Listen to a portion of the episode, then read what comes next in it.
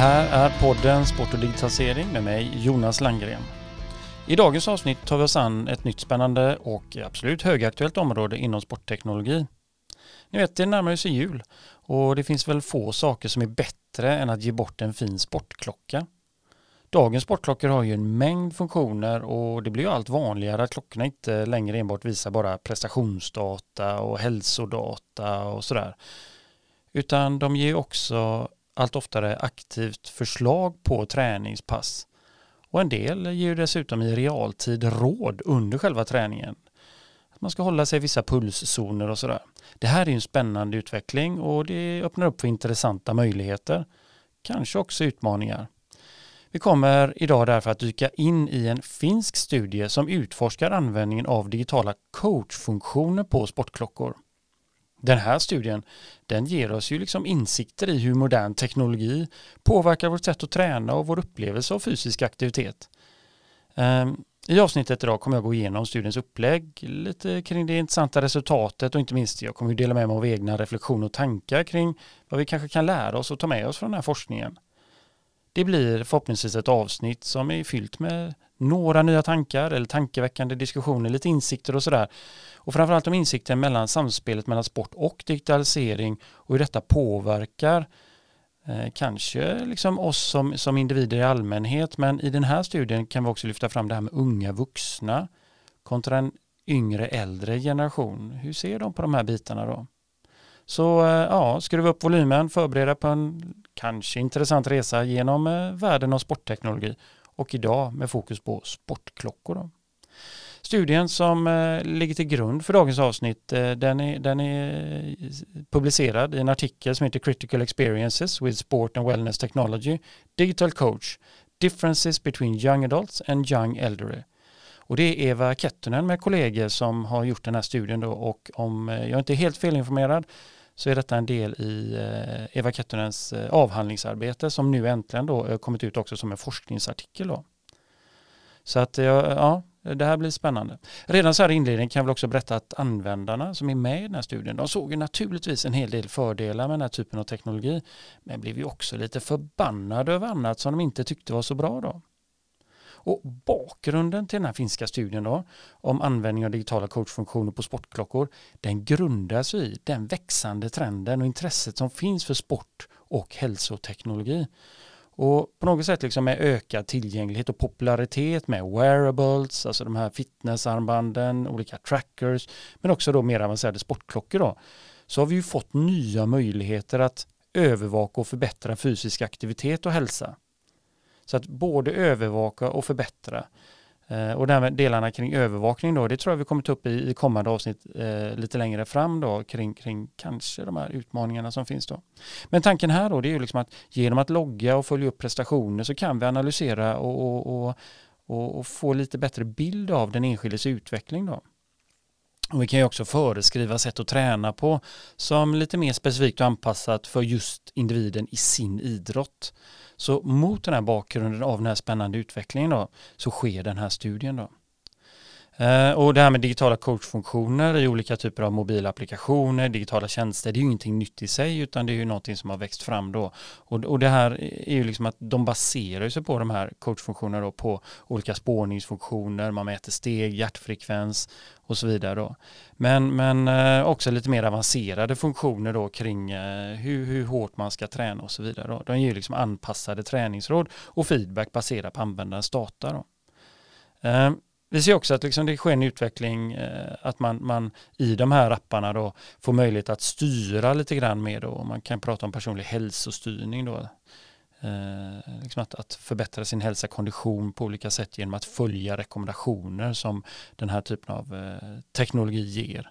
Den digitala coachen då inte bara ge feedback på hur det har gått på träningen utan kan också då peka ut att, att liksom du bör göra en det ena än det andra för att utveckla din, din hälsa åt ett visst håll eller din, din träningsprestation åt ett visst håll. Då. Men det är ganska lite studier ganska lite forskning som är gjord på den här, eh, den här typen av teknologi. Då. Så trots teknologins framsteg och utbredning då, så finns det då en, en brist på djupgående förståelse för hur användaren upplever de här digitala coachfunktionerna. Särskilt också det här med olika grupper av människor, eh, till exempel Eh, äldre unga och, och eh, yngre äldre och så vidare. Då. Så att det kan finnas åldersrelaterade skillnader och några skillnader eh, hittar man även i den här studien då som lyfter fram det på ett intressant sätt. Det kommer vi komma vidare eller prata mer om lite senare i avsnittet. Då. Så fokus, studiens mål, det var att utforska användarupplevelse. Så att, så att tanken då är att studien eh, skulle då titta på de positiva och negativa, vad man kallar kritiska upplevelserna som användare av de här digitala coachingfunktionerna på klockorna hade då. Och om det fanns då skillnader också mellan åldersgrupper då, eh, vilket var viktigt just i den här studien då. Kanske för oss som lyssnar på den här podden så är det väl snarare så att skillnaderna inte är så viktiga, men däremot beskrivningarna är, är tämligen intressanta då. Tanken är ju då att studien då på något sätt ska kunna informera framtida utveckling genom att samla in och analysera erfarenheterna från de här, eh, eh, de här användarna, de här individerna, så, så kan ju man då liksom eh, transformera de här resultaten till insikter som sen kan kan användas när man ska designa framtida utvecklade digitala lösningar. Då. Eh, och generellt sett när man ska utveckla sig av sport och hälsoteknologi. Då. Och syftet med den här kunskapen då, det är ju att bättre kunna möta användarnas behov, förväntningar och föreställningar. Då.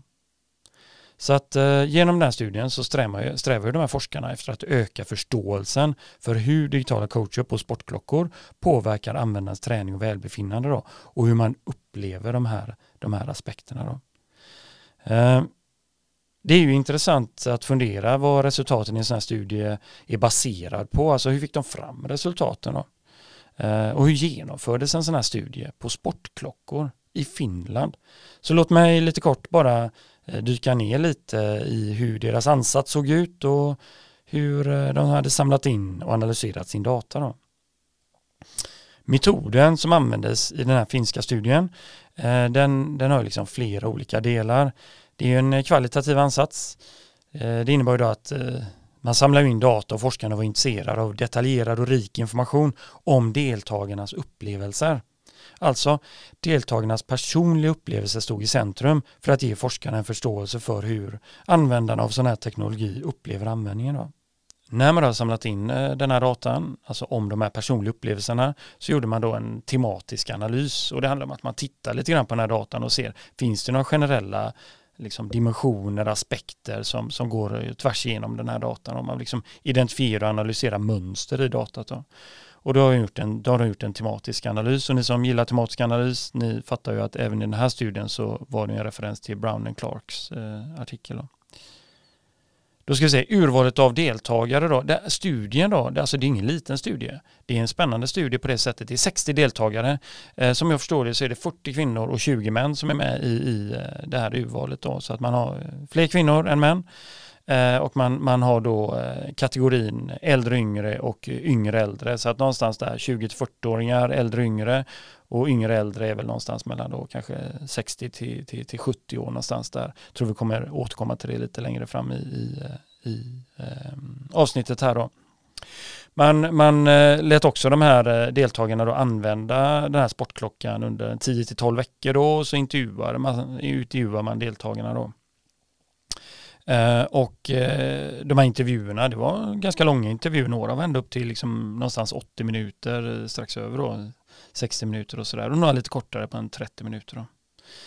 Eh, det var ju så att de här deltagarna då, eh, de var ju inte liksom eh, superatleter på något sätt. De var inte elitmotionärer, de var inte e-, elitsatsande personer utan de var ju vad man kallar recreational athletes då. De, de, hade, de tränade inte så målinriktat utan de, de gjorde det mest för att behålla sin fysiska kapacitet och, och må bra. Så att vanligt folk som tränar kan man lugnt sagt säga då. Och eh, forskarna samlar då in de, liksom, de här detaljerade och personliga upplevelserna då, när deltagarna använder de här digitala funktionerna, då, de här digitala coachfunktionerna eh, på sportklockorna. Då. Och, och, genom att verkligen titta på hur här, de här olika grupperna eh, upplevde detta då, så kan man då se lite hur användarna upplevde detta och deras attityd mot teknologin klockan i den här studien, det är ju superviktigt att, lägga fokus på här då, det var en eh, sunt 103 fitness och vi pratar alltså 2018 och det är ju lite grann det som är nackdelen med den typen av akademisk forskning vi bedriver här att studien gjordes då eh, 2017, 2018 någonstans där eh, om jag inte har förstått saken fel men den publiceras först nu några år senare då 2023 så att det är möjligt att, att studien gjordes kanske 2019. Jag tror inte det fanns någon uppgift om detta men det dröjer ofta ganska mycket innan eller lång tid innan de här studierna kommer ut då.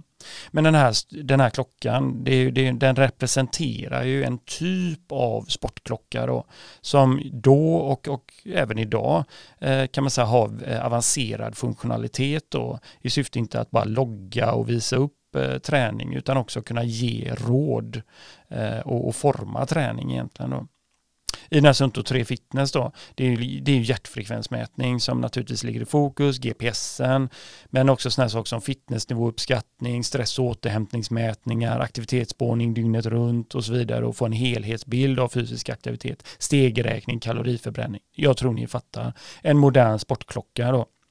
Och att den dessutom då har den här digitala coachingfunktionen då. Och det var kanske det som var det mest framträdande då i det här. Eh, nämligen att, att liksom på något sätt personliga träningsinstruktioner. Och ni kommer ihåg när de här funktionerna kom först så, så, tyckte man att ah, de kanske inte passar in sådär. Men över tid så har ju de blivit bättre och bättre då. Men det som också varit intressant och det var en typ av responsiv feedback, då, att klockan ger feedback och råd. Eh, inte bara då på, på tidigare, tidigare prestationer utan också den här framåtriktade råden. Naturligtvis då förslag på framtida träning eh, och det ska då eh, den här typen av feedback då eh, som är framåtsyftande och ska hjälpa användaren att sätta upp nya personliga mål med sin träning då. Så man kan säga att den här klockan som finns med i studien är idag en alldeles vanlig sportklocka av det här premiumsegmentet kan man säga då med personlig coachingfunktioner då. Eh, så att inte bara övervaka och logga utan också aktivt förbättra användarens eh, fysiska välbefinnande och träningseffektivitet. Då. Och, och, det fanns ju naturligtvis en hel del positiva upplevelser med detta då, eh, kring sådana saker som ökad medvetenhet kring träningen. Alltså bara genom att, att börja logga sin träning, få lite feedback så får man, blir man mer medveten då. Och man lyckas också på något sätt få en positiv bit av att man deltagarna kände att de kunde överträffa sina egna förväntningar genom att utföra lite utmanande träningspass som den digitala coaching eh, digitala coachen föreslog då. Och man fick detaljerad data och feedback då. Men vi börjar här om att den här med medvetenheten och själv, att självupptäcka sin förmåga på något sätt. Då. Så att de här användarna då, de rapporterar en ökad medvetenhet om sin egna fysiska kondition. Det är ju spännande att just få en bra bild. Eh, och naturligtvis också det här med dagliga aktivitetsnivåerna. Då. Och i det här fallet så kom de här upptäckterna som en positiv överraskning. Det blev alltså eh, någonting som blev en kraft framåt för, för användarna. Då. Och den här insikten då som teknologin möjliggjorde då, gav en känsla av att man uppfyll, uppfyllelse och självförtroende då. Och det här är ju intressant. Att, att just när vi får den här positiva feedbacken då händer det saker och ting med oss då. Um, och en del deltagare upptäckte, upptäckte till och med liksom positiv överraskning när att liksom hjärtfrekvensen, eh, som, som hur den funkade lite mer i vardagen med dem då. Och detta är väl en typisk sån sak som vi som har pulsmätning på våra klockor och tittar på det jämt ser man att när man håller tal kanske eller en prestation på jobbet att göra vad pulsen går upp eller ner eller sådär då. Eller så känner man vid olika samtal eller konflikter att oj vad lugn jag lyckades vara då. Poängen är när vi får eh, återkoppling kring, kring de här bitarna så kan vi då få den här positiva kraften framåt. Att vi själv upptäcker aspekter som vi inte kände till. Det är intressant ur ett eh, prestationsperspektiv då. Jag tror att det är en sak vi kan ta med oss ur den här studien. Då. Att om vi kan fokusera på positiva självmedvetenhet eller ökad medvetenhet och att självupptäcka aspekter, då är man någonting på spåren i designen. Då. En annan aspekt som de pratade om då, det var ju att övervinna förväntningar då. Det här, vi pratar om recreational athletes här då, alltså vanligt folk som tränar och många användare beskrev hur de upplevde liksom en känsla av stolthet och tillfredsställelse efter att ha fullgjort träningspassen som de då kanske initialt var lite obekväma med. Och det kan man tycka, vi som tränar och alla ni som tränar ute, att ja, men det, det är väl självklart då. Ja, det, det kanske är självklart för oss som redan är inne i den här svängen då. Men för att få fler att träna, att fler får kontinuitet i sin träning, då är detta viktiga aspekter då. Och de här ögonblicken då av att överträffa sina egna förväntningar då, det ger ju också en känsla av att jag kan prestera då. Och då är vi inne på någonting spännande. Då. Exempelvis beskrev en deltagare hur ett vanligt löppass förvandlas till en intensiv intervallträning på grund av feedbacken från den digitala coachen, vilket gav en oväntad känsla av framgång och tillfredsställelse. Ja, ur ett träningsperspektiv kanske om man har mer strukturerad träning så är det väl inte, det är väl precis det vi inte vill ska, ska inträffa då, att man frångår planen då. Men för de här eh, vardagsmotionärerna, om vi kan kalla det där är ju det otroligt bra att faktiskt kunna få till ett intervallpass som annars kan vara så svårt då. Så det att övervinna förväntningar, otroligt intressant. Sen var det så att den här ständiga strömmen av data och feedback från enheten eh, blev en kraftfull motivationskälla då. Eh, och det känner ju många av oss till att, att eh, får vi se massor av data om vår egen fysiska eh, prestation och det vi gör i vardagen och så vidare, då blir vi inspirerade och man vill, man vill ta fler steg. Man vill inte stanna på 9000 steg utan man vill upp till 10 000 steg av någon anledning. Då. Exempelvis. Användaren här uppskattar den här omedelbara uppmuntrande feedbacken som de fick av, efter olika aktiviteter. Då. Eh, och de, de, fick det då i, när designen på den här klockan så blev det ofta i form av komplimanger, troféer och glada symboler. Där ser vi hur spännande vi människor är. Genom att vi får feedbacken, inte bara rent objektivt utan vi packar in den med den typen av ritualer som ofta ger vid positiv feedback. Komplimanger, troféer och glada symboler. Kan vi packa in det på det sättet, då händer det någonting hos oss människor och vi tycker att det här är väldigt, väldigt positivt. Då. Och det här blir ju liksom på något sätt ett erkännande av individens ansträngningar då, som de kanske saknade i sina daglig, dagliga rutiner. Liksom de, de fick inte den här uppskattningen då. Men att få den här typen av, av digital feedback då, eh, det gav en känsla av uppskattning och kompetens. Det här är ju spännande begrepp tror vi kommer att återkomma till längre fram. Dessutom öppnar den liksom på något sätt objektiva datan som tandhölls, eh, saker som typ hjärtfrekvens, distans, distans och hastigheter då, upp en förståelse kring sina träningsvanor. Då. Vilket gjorde att man började se användningen av den här typen av teknologi som en fördel för att få kontinuitet och fylla sin träning med att det blir meningsfullt. Då. Och de här positiva upplevelserna med den digitala träningscoachfunktionen på sportklockorna då, de gav ju användarna en ökad insikt kring deras personliga hälsa. De fick motivation genom den här uppmuntrande feedbacken och liksom ett verktyg för att nå nya mål. Då.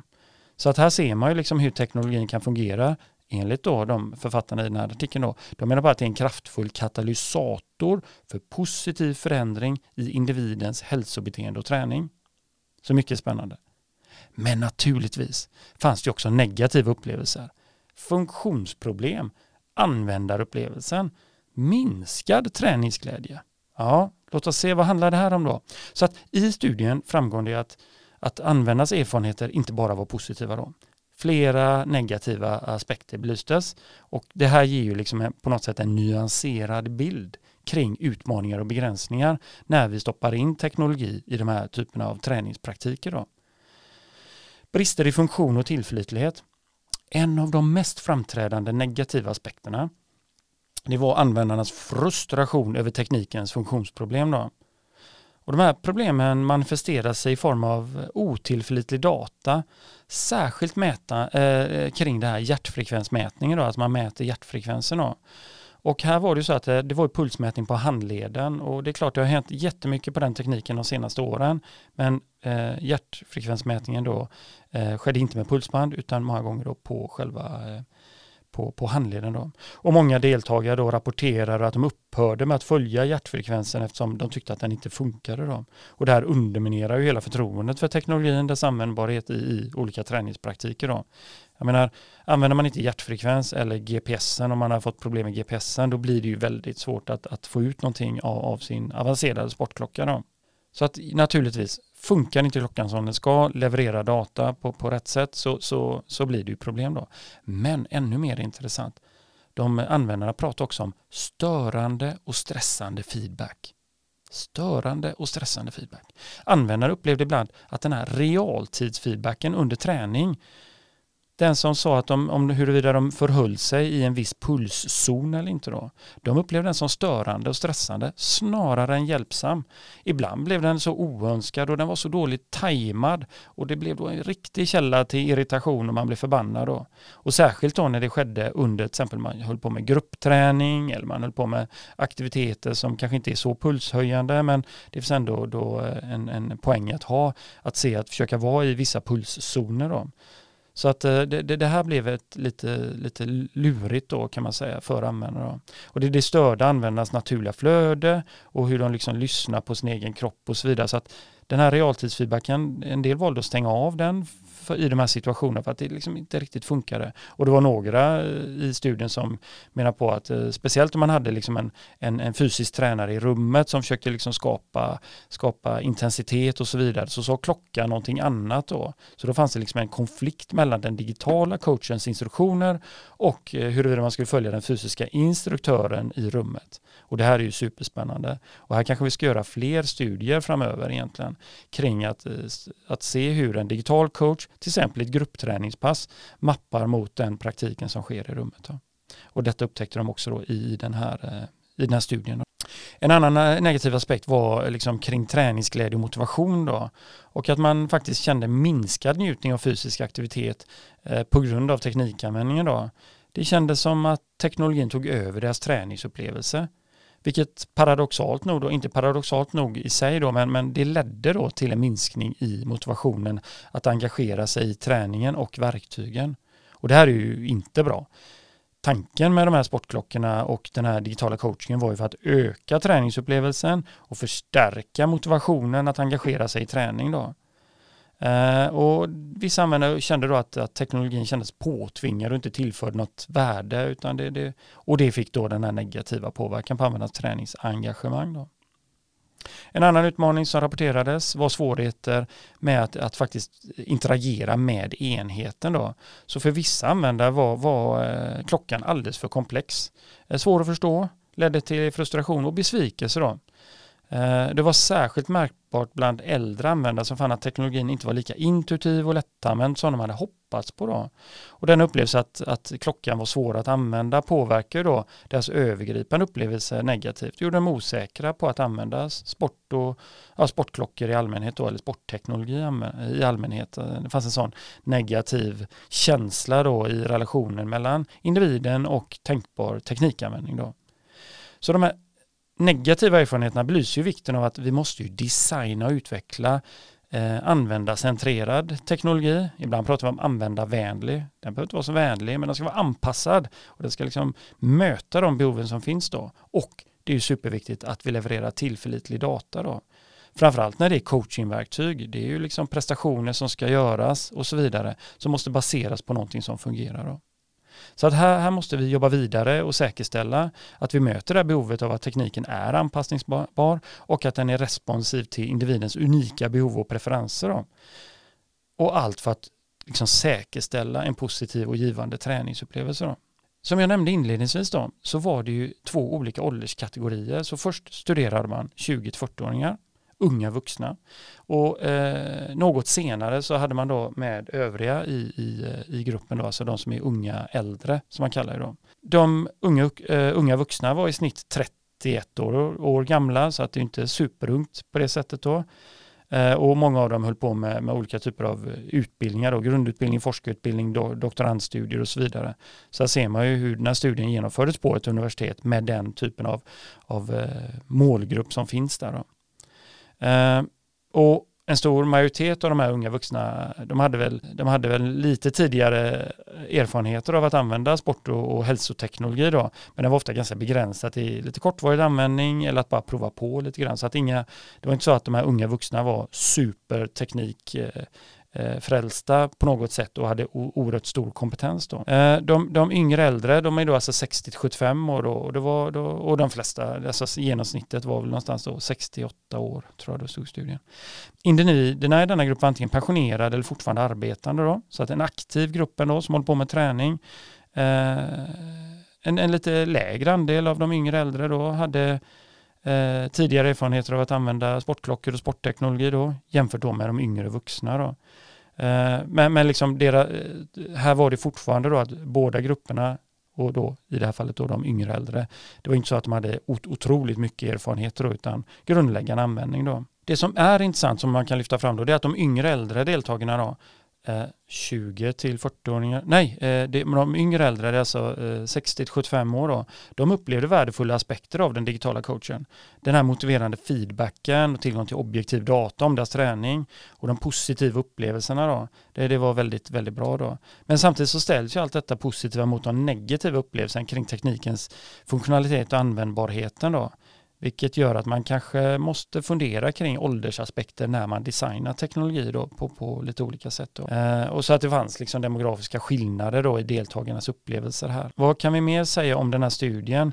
Ja, alltså mina personliga reflektioner är ju att, att, att den här studien är viktig nu när utvecklingen rimligtvis kommer att leda till allt mer avancerade funktioner i sportklockorna och mobiltelefoner. Där ska vi gissa AI-baserade digitala coacher kommer att vara mycket attraktiva och vi kommer liksom se hur de då aktivt i realtid kommer ge direktiv kring hur den pågående träningsaktiviteten ska utföras då.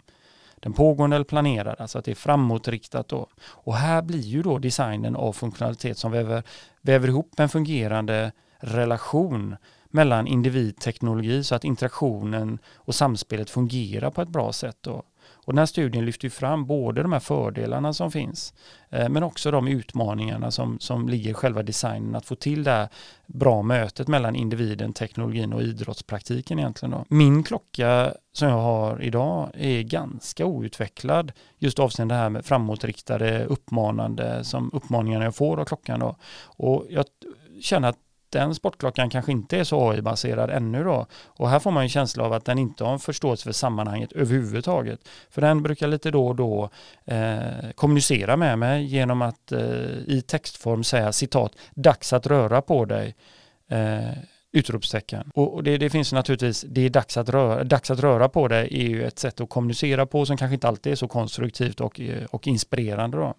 Så här måste vi jobba med hur ska mötet mellan teknologin och användarna eh, designas för att det ska bli konstruktivt, inspirerande och trovärdigt. Då. Jag tycker att den här studien då, då, den är väldigt intressant och den är liksom nyfiken på hur individerna tar sig an ny teknik och hur individer försöker passa in den här nya tekniken i sin idrottsliga praktik. Då. Ännu roligare tycker jag det är att det inte är elitidrottare vi pratar om. Det är inte elitmotionärer utan då motionärer, vanligt folk som tränar. Då. Och här, här, här tror jag vi, vi ska våga lyfta med oss insikter även från denna gruppen. Och studien pekar ju på liksom den här mötespunkten eller skärningspunkten mellan individen, teknologi och den idrottsliga praktiken. Att den är väldigt viktig och den är oerhört intressant. Och här måste vi bli bättre då på att i framtiden på något sätt kunna säkerställa att ny teknologi fungerar och passar in i befintlig praktik. Men framförallt måste vi vara nyfikna på hur digital teknologi kan förändra och förbättra den idrottsliga praktiken.